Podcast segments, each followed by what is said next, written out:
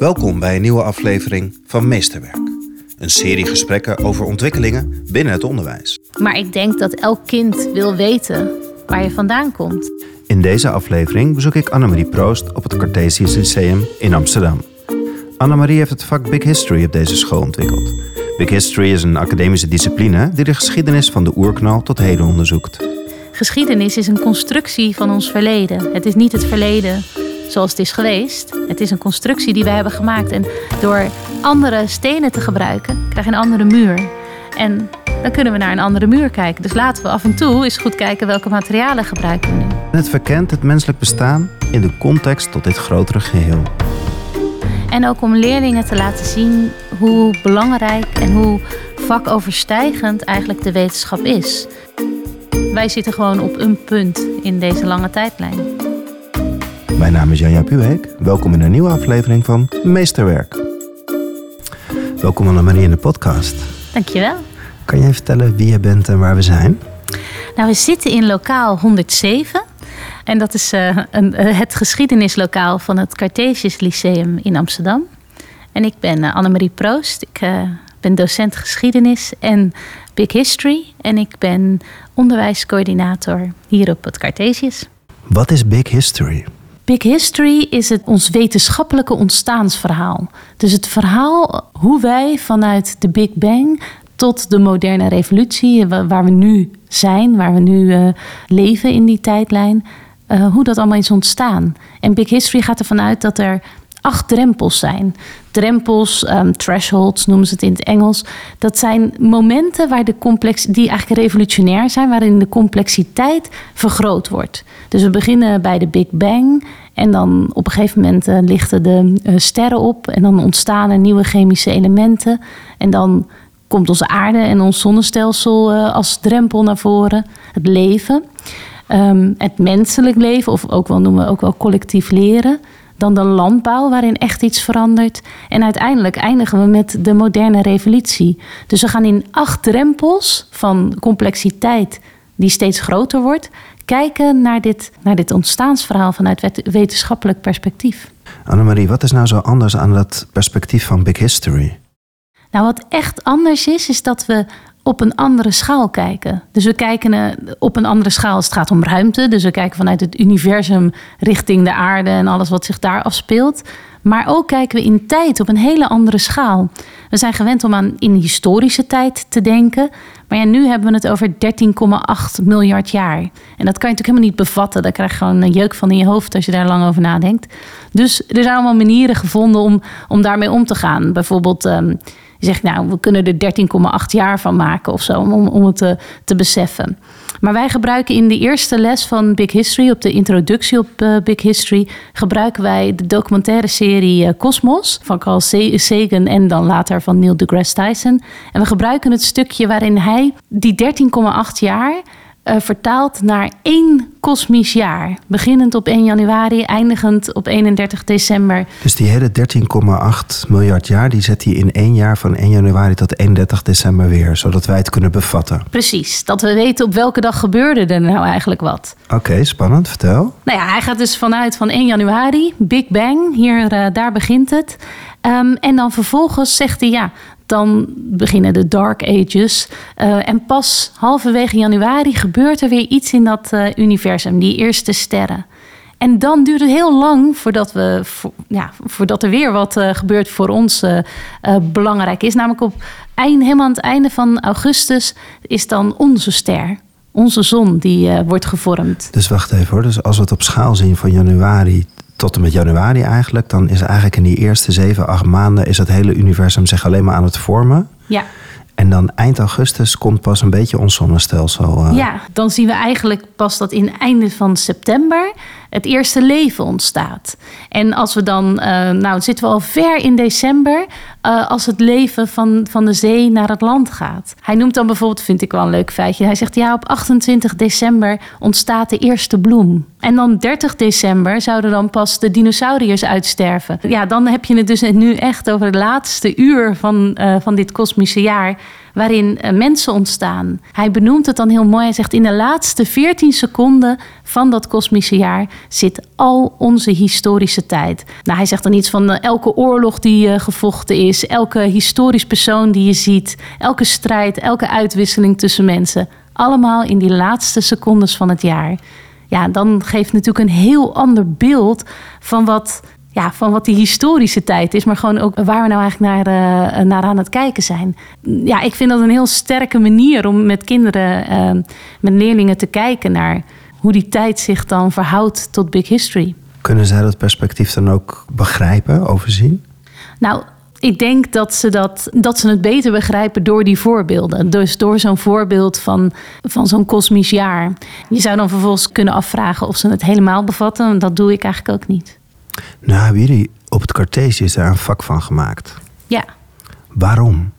Omdat er behoefte was om een verdieping, uh, ja, is toch ook wel een soort beelding te hebben op het, uh, uh, op het VWO om onze onderzoeksvaardigheden die door het VWO eh, zitten, om die meer een plek te geven. En ook om leerlingen te laten zien hoe belangrijk en hoe vakoverstijgend eigenlijk de wetenschap is. Ze zijn zo gewend van je komt, zo'n, komt een school binnen en dan krijg je biologie en daar doe je dat bij. En dan ga je naar geschiedenis en daar doe je dan weer wat anders bij. Uh, en daar zitten allemaal vaardigheden in. En daar zitten allemaal, uh, bij elk vak zitten er vakspecifieke vaardigheden. En natuurlijk ook gewoon algemene vaardigheden. Maar we voelden heel sterk de behoefte om dat een plek te geven in het curriculum. Daar hebben we wel over getwijfeld van hoe zouden we dat gaan doen. Want je hebt ook bijvoorbeeld de WON-scholen, de wetenschapsoriëntatiescholen. Uh, maar dat is ook vrij prijzig om daaraan mee te doen. Ook denk ik nog steeds heel relevant. Maar het, ja, het was ook een beetje dat, onze, uh, een van onze schoolleiders, uh, op dit moment onze rector, Annemieke Kloeze, die kwam van een school waar ze hiermee geëxperimenteerd hadden. Kende de mensen die in Hilversum zijn begonnen uh, met Big History in Nederland. En heeft ons in contact gebracht. En ik en twee andere collega's waren daar heel enthousiast over en zijn daarmee verder gegaan. Wat is het dan specifiek voor de doelgroep VWO? Bij ons wel, ja. En dat is niet omdat wij denken dat uh, de HAVO geen behoefte heeft aan een, uh, zijn HAVO-VWO gymnasiumschool. Maar geen behoefte heeft aan dit uh, wetenschappelijke ontstaansverhaal. Maar ging eigenlijk vooral over de ruimte die we hebben op het VWO om zo'n vak aan te bieden. en wij vonden echt dat de academische vaardigheden en de academische houding daarin terug moest komen. Wat hebben jullie ontworpen? Hoe ziet het er nu uit? We hebben het zo ontworpen dat het zowel in 4 VWO als in uh, 5 VWO aangeboden wordt.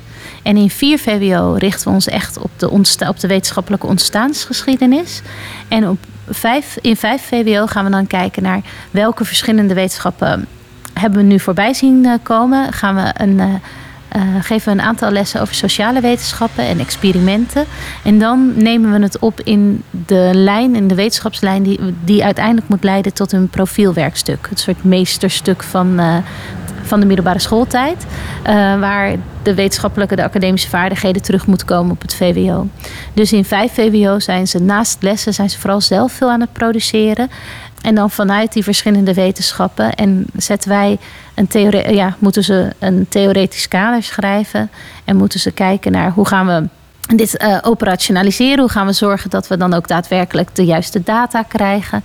Dus daar past het heel goed bij wat wij graag met het VWO willen. Maar als ik mocht kiezen, en ik denk ook dat dat op een dag zal gebeuren, dan gaan we het ook op de HAVO geven. Dan niet als onderdeel van dat uh, profielwerkstuk, dus misschien op een andere vorm en misschien wel eerder gegeven dan, dan uh, op het VWO.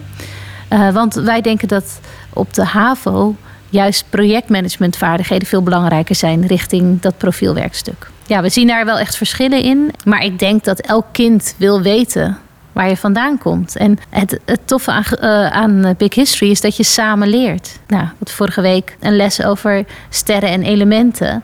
En ja, ik, ja, ik heb echt een gamma-achtergrond. Ik, ik, ik vind het echt heel moeilijk om die, om die science-achtige of, of om die beta onderwerpen goed te geven. Omdat ik gewoon, ja, dat kan ik dan ook goed uitleggen aan, aan mijn leerlingen. Van ja, mijn kapstok, als het gaat om beta-onderwerpen, is niet zo goed ontwikkeld. Dus ik heb niks, ja, ik, heb weer nieuwe kennis en ik weet niet waar ik hem op moet hangen. En ja, een geschiedenisfeitje of iets over de, de maatschappij weet ik heel makkelijk een plek te geven. Want ik heb een, een, een grote referentiekader, een grote kapstok met al, allemaal jassen eraan. Dus we leren ook wel echt heel erg samen. Maar ik vind het filosofisch perspectief op al deze dingen vind ik heel erg leuk om, te, om met ze te ontdekken. Dus ik denk dat we elkaar wat te bieden hebben dan. En wat is het filosofische perspectief? Nou, er zitten een aantal dingen in. Ten eerste, waar komt onze kennis vandaan? Big History voelt eigenlijk, ja, dat is allemaal ontstaan uit het collectieve leren. Dat wij leren van elkaar. Dat wat ik vertel in de klas heb ik niet onderzocht. En eh, de, ja, dat heb ik uh, weet ik omdat het uh, al eerder is onderzocht en wij gaan daarop verder in plaats van dat we steeds opnieuw uh, uitvinden. Dus dat perspectief op wie waren de eerste die iets zeiden over de vorming van, van het universum en hoe is die kennis dan, die kennisbasis dan verbreed en vergroot en veranderd en hoe is op een gegeven moment het paradigma over over dit verhaal dan ook veranderd. Dat vind ik heel interessant. Dus niet zozeer de inhoud over hoe is het dan precies gebeurd, zoals het nu ervoor staat, maar wel wat weten we van al die kennis die al bij elkaar is gekomen door de eeuwen heen. Hoe verhoudt het zich eigenlijk, Big History, in relatie tot het, het curriculum geschiedenis, bijvoorbeeld in het, in het curriculum? Nou, heel bewust hebben we ervoor gekozen om het bij geen enkel curriculum te laten aansluiten. Omdat we en alle leerlingen krijgen het. Of je nou een uh, maatschappijprofiel hebt of een, uh, of een natuurprofiel. Um, en ja, de vorming van elementen hoort bij scheikunde. En um, ja, collectief leren bijvoorbeeld zit sterk ook bij MAW uh, eh, in het, of maatschappijwetenschappen in het uh, curriculum. Uh, nou ja, zo kan je eigenlijk biologie, je kan, alle, je kan natuurlijk alle schoolvakken hieraan koppelen. Dus dat hebben we niet. het is echt vakoverstijgend. Het is echt vakoverstijgend. Dus het vakverbindend eigenlijk. Ja, we zeggen eigenlijk al deze. Al deze wetenschap is nodig om dit grote verhaal te vertellen.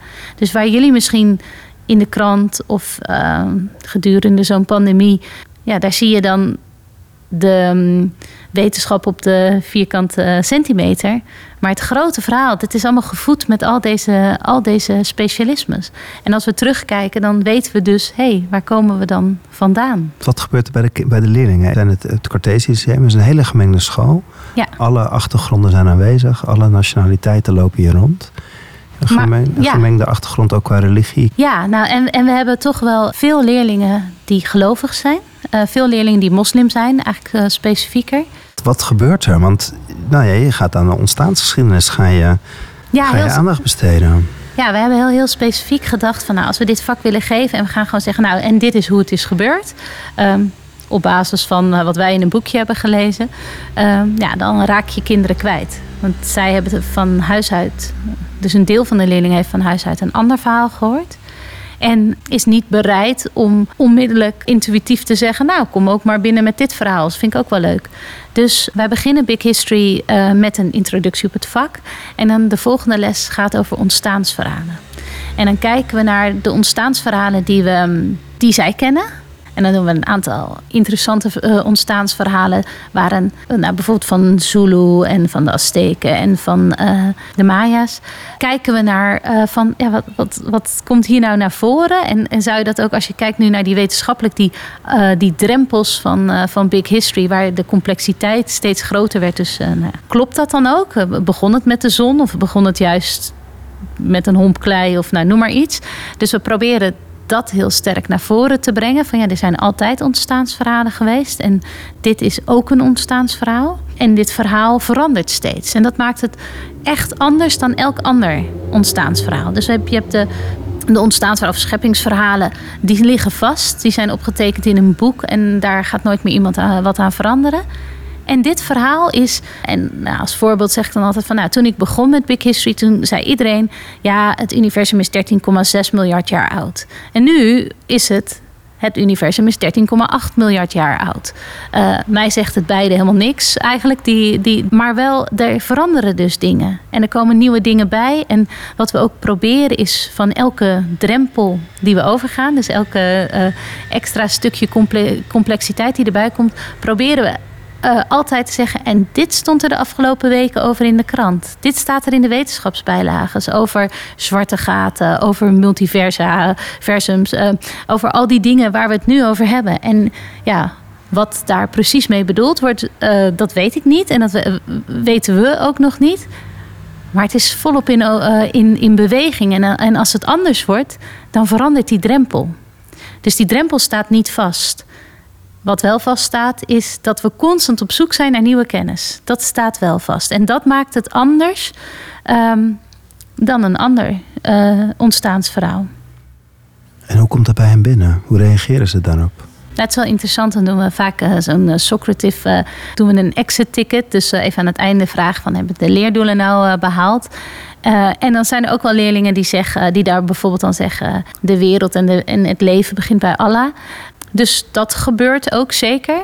Er zijn ook heel veel leerlingen die, die, wat wij eigenlijk doen, en dat, dat helpt dan, is uiteindelijk gaan we die les uh, gaan we naar een, uh, een klassengesprek. En ja, we hebben ooit een keer uh, met een hele groep docenten hebben we een training gedaan van een half jaar of zo. Over controversiële gesprekken in de klas. En dit voelt voor ons wel echt als een controversieel uh, gesprek. En daar hebben we gewoon afspraken over gemaakt. Wat je doet in een controversieel uh, gesprek. Dus daar hebben we klassenregels voor. En dan gaan we met elkaar in gesprek. En dat gaat vaak heel goed. En leerlingen vinden het ook heel leuk als ze mogen vertellen waarom zij iets denken. Of waarom zij denken dat het op die manier zo is. En dan vervolgens um, gaan we eigenlijk af, afrondend naar. Waar denken jullie dat, uh, dat de spanning zit tussen wetenschap en religie? Hebben ze het over dezelfde dingen? Uh, of, of, of, ben je eigenlijk op een heel ander domein aan het praten? Is dus beide. Kan je en onderzoek doen naar zwarte gaten en geloven in een schepper? Of zijn ze altijd met elkaar in contrast? Is het dus altijd zo dat als je gelooft dat je niet in wetenschap kan, uh, dat je niet in wetenschap kan geloven en als je uh, bezig bent met wetenschap dat je nooit gelovig kan zijn?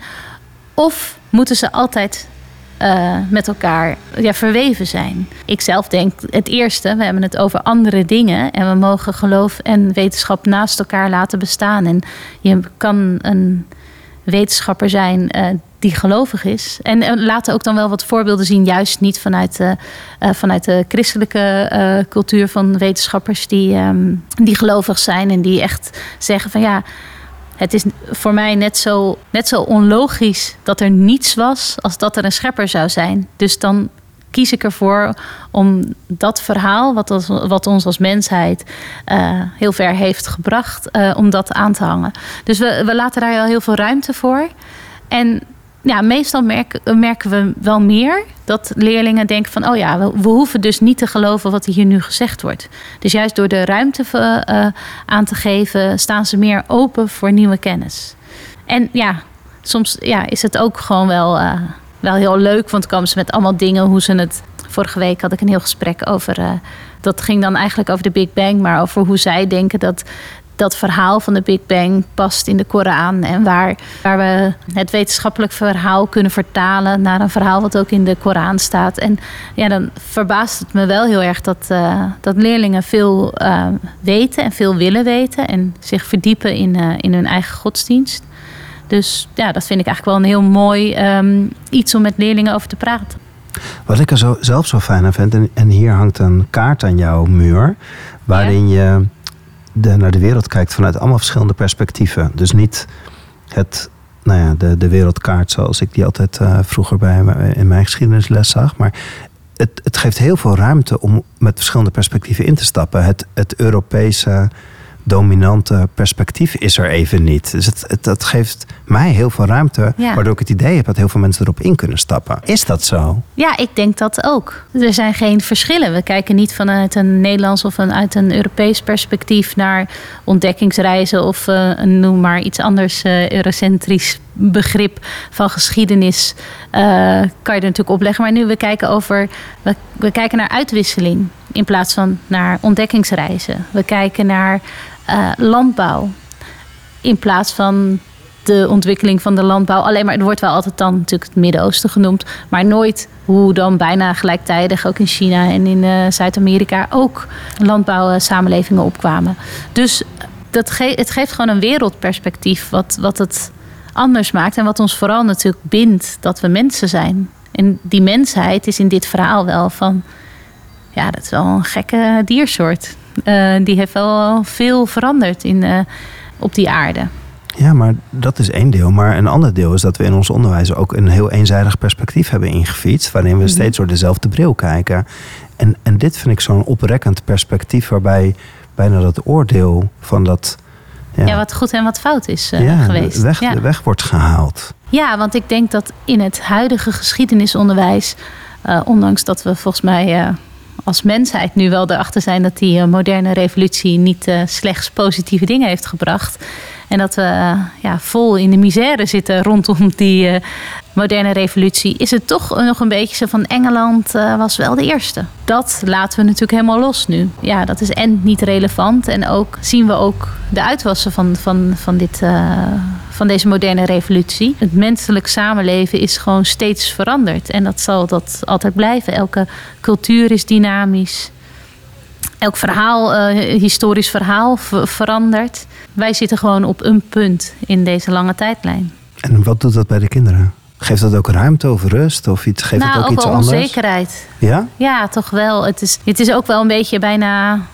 Ja, je kan dan, dan, als je steeds verder gaat relativeren, dan denk je, ja, nou maakt het ook eigenlijk allemaal uit. Uh, ook, ook, de, uh, ook de mensheid als uh, soort zal ten onder gaan. Dus dat is dan natuurlijk ook wel een beetje bedreigend. Maar ook wel denk ik dat het ze helpt om, om, om wel te relativeren in, in de sores die ze zien. Waar merk je dat aan? Waar merk je aan dat ze ja, ze, een beetje onzeker worden? Of? Bij leerlingen zie je vaak onzekerheid uh, uh, wordt frustratie. Dus van ja, waar slaat dit op? Dit gaat echt nergens over. En om juist daar het gesprek over aan te gaan, dat vind ik uh, het leukste van, van onderwijs ongeveer. Hoe doe je dat? Ik zeg gewoon heel vaak van ik zie dat je een beetje boos wordt van wat ik net zei. Want wat roept het dan bij je op? Waarom, waarom voel je daar boosheid over?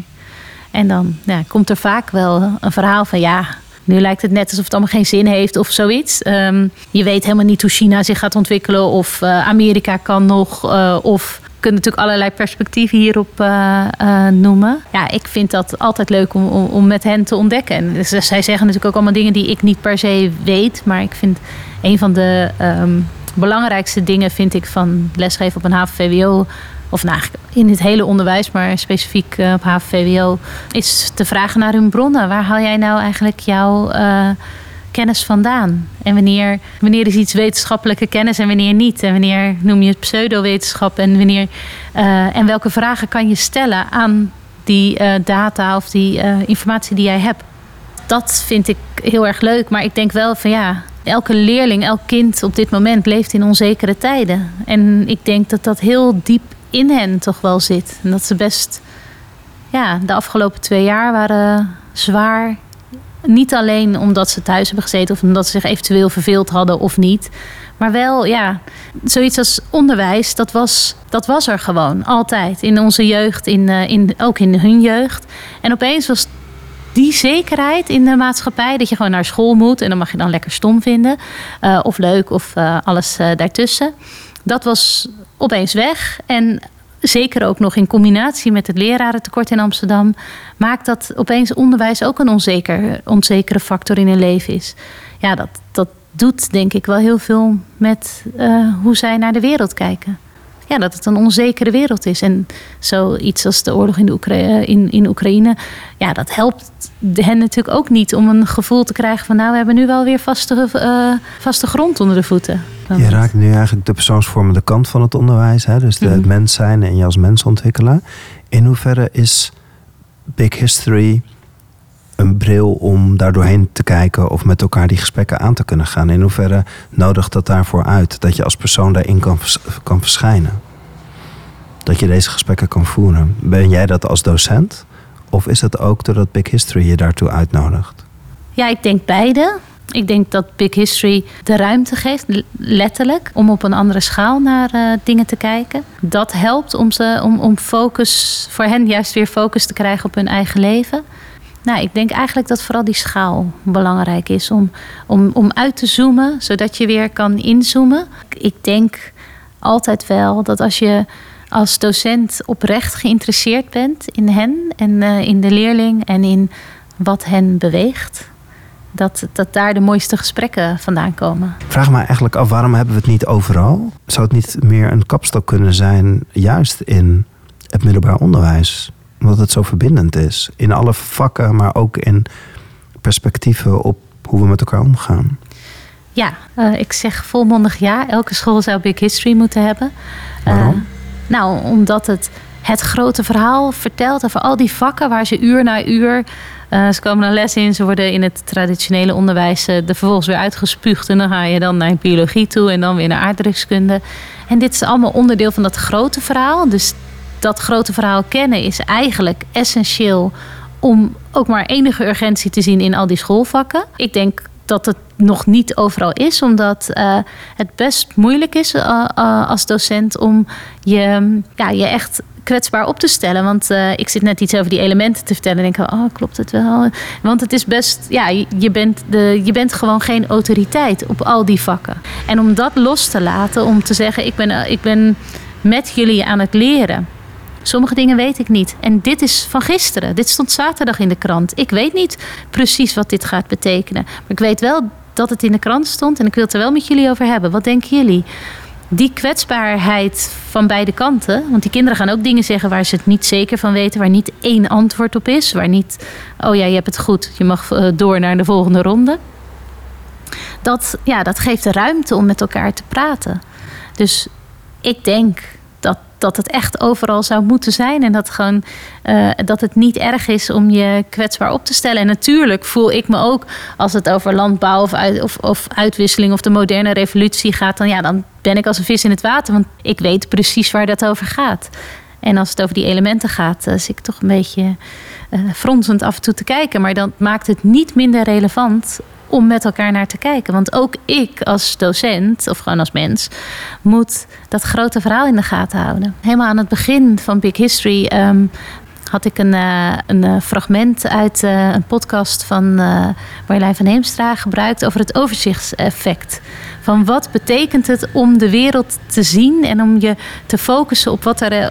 ja, om, om gewoon die, die, die, die, groene, eh, die blauwe planeet, die groene blauwe planeet, om die te zien vanuit de ruimte. En dat je dan bedenkt welke omstandigheden, hoe vaak het, het gewoon precies de juiste Goldilocks conditions waren. Precies het juiste waardoor dit heeft kunnen ontstaan. Ja, dat is gewoon overweldigend eigenlijk. Dat, en om, dat, om, om met ze daarnaar te kijken. En dus niet zo van, oh ja, je mag geen vlees eten... of je moet korter onder de douche of je mag niet vliegen. Maar wel van, dit is onze planeet, dit is ons huis. En dat, ja, en dat het er is gekomen, is eigenlijk gewoon een godswonder. Om maar even terug te komen op, uh, op religie. Ja, dat. Uh... Ja, en lukt het een beetje om vanuit Big History ook een beetje dat overzichtseffect te hebben? Want dat is een beetje wat André Kuipers ook nog wel probeert in de Ziggo Dome. Ja. Door dat gevoel te, te, genereren dat je naar die, die kwetsbare planeet in dat, in dat overweldigende hele kijkt. Lukt het een beetje om Big History datzelfde effect te geven? Uh, nou, dat is wel hetgene wat wij het liefste willen. Dus het is een licht activistisch, hier op school, een licht activistisch uh, uh, vak. Waarin we wel hopen dat wij met elkaar anders omgaan met de planeet die we hebben. Het is wel zo dat ze, ondanks dat het klimaat natuurlijk heel vaak terugkomt, ze heel vaak zeggen: We hebben hier nog nooit zo lang over gepraat. De kijker kan jou niet zien, maar je straalt van het begin af aan dat je over Big History vertelt. Wat, waarom en, en wat heeft het jou gebracht, dit vak? Ja, uh, het, is, het is, voor mij is het alles wat het onderwijs zou moeten zijn. Uh, ja, ik werk op een school waar we vrij traditioneel... Uh, we zijn geen vernieuwingsschool, dus we hebben de traditionele vakken strevend naar het eindexamen. Daarin heb ik ook van onze school heel veel ruimte gekregen om dingen te ontwikkelen die een beetje anders zijn. Die, die, die weggaan van dat, uh, van dat traditionele. En ik natuurlijk helemaal niet in mijn eentje. Ik doe, uh, uh, doen dat echt met een, een groep docenten. Ik vind het leukste eigenlijk, en dat is wel iets wat nieuw is gekomen. Toen ik net les gaf, vond ik het ook heel leuk om een verhaal te vertellen. en dat doe ik nog steeds wel regelmatig. waarschijnlijk te vaak als je het mijn leerlingen vraagt. Maar ik, het leukste vind ik om met leerlingen gewoon in gesprek te gaan. Over bijvoorbeeld over wat zij willen onderzoeken, wat zij interessant vinden, maar ook van hoe zij denken over uh, dingen. En die meer coachende vaardigheden zitten ook heel sterk in, in dit verhaal. En ik geloof in vakoverstijgend onderwijs. Ik denk dat we. Ja, dat ons onderwijs gedateerd is en dat het um, leerlingen niet voorbereidt op, op, op wat er te komen gaat. Uh, het geeft ze wel houvast, dus het heeft ook allemaal functie. En ik ga ook niet zeggen dat alles uh, uh, slecht is of zo. Maar ik denk wel dat ja, veel vernieuwingsonderwijs beter aansluit op, op hetgene wat er komen gaat. En dat Big History een van die voorbeelden is van, van een vak wat kan aansluiten op wat ze aan denkvaardigheden nodig hebben in, in de tijd die nog komt. Heeft Big History invloed gehad op hoe jij geschiedenis geeft? Ja, zeker wel. Ondanks dat we eigenlijk ook als uh, geschiedenissectie echt wel heel duidelijk bezig waren van we willen die multiperspectiviteit in ons onderwijs. We willen anders kijken naar geschiedenis. Nou ja, de kaarten waar je eerder al naar uh, wees, tien keer meer geschiedenis op een andere manier kijkend naar hetzelfde verhaal. Um, een verhaal als een decolonisatie vanuit verschillende perspectieven benaderen, waren we allemaal al echt wel heel erg mee bezig. Maar door Big History merk ik dat ik um, andere woorden ga gebruiken. Dus dat, ja, en, en eigenlijk uh, is dat ook een gesprek in, in de geschiedenissectie dat we dat graag willen. Van elk woord heeft een, uh, een lading. En laten we goed nadenken over welke woorden we gebruiken. Kan je een voorbeeld noemen? Nou ja, bijvoorbeeld heb je het over ontdekkingen of heb je het over uitwisseling? Um, heb je het over decolonisatie of heb je het over zelfbeschikking of welke woorden en, en, en, ook de, de keuze verantwoorden naar uh, leerlingen. Ik heb ook bronnen uit de, uit de 18e en 19e eeuw waar uh, woorden, uh, woorden voor tot slaafgemaakte opstaan die ik niet meer gebruik, maar die ik wel gebruik in, uh, als, het, als het noodzakelijk is in, in, in, in bronvragen. Maar leg dat dan uit aan het begin van een blok over slavernij. Van deze woorden gebruiken we. En soms ja, zeg je nog wel eens de slaaf. En ik, oh nee, nee, dat, dat gebruiken wij niet. We, gebruiken tot slaafgemaakte. En kinderen gaan daar ook wel snel in mee. Van, oh ja, maar je moet wel dat zeggen. En dat vind ik ook heel goed. Dus dat we gewoon met elkaar nadenken van ja, woorden hebben, uh, hebben een lading. En laten we die lading onderzoeken. En ik heb één collega die is daar heel erg goed in. Dus die doet dat al heel erg. Uh, die heeft een project uh, Slavernij voor de tweede klasse. En is daar, laat dan kinderen filmpjes op YouTube bekijken vanuit verschillende culturen. En dan moeten de kinderen benoemen welk perspectief wordt hier nou gebruikt.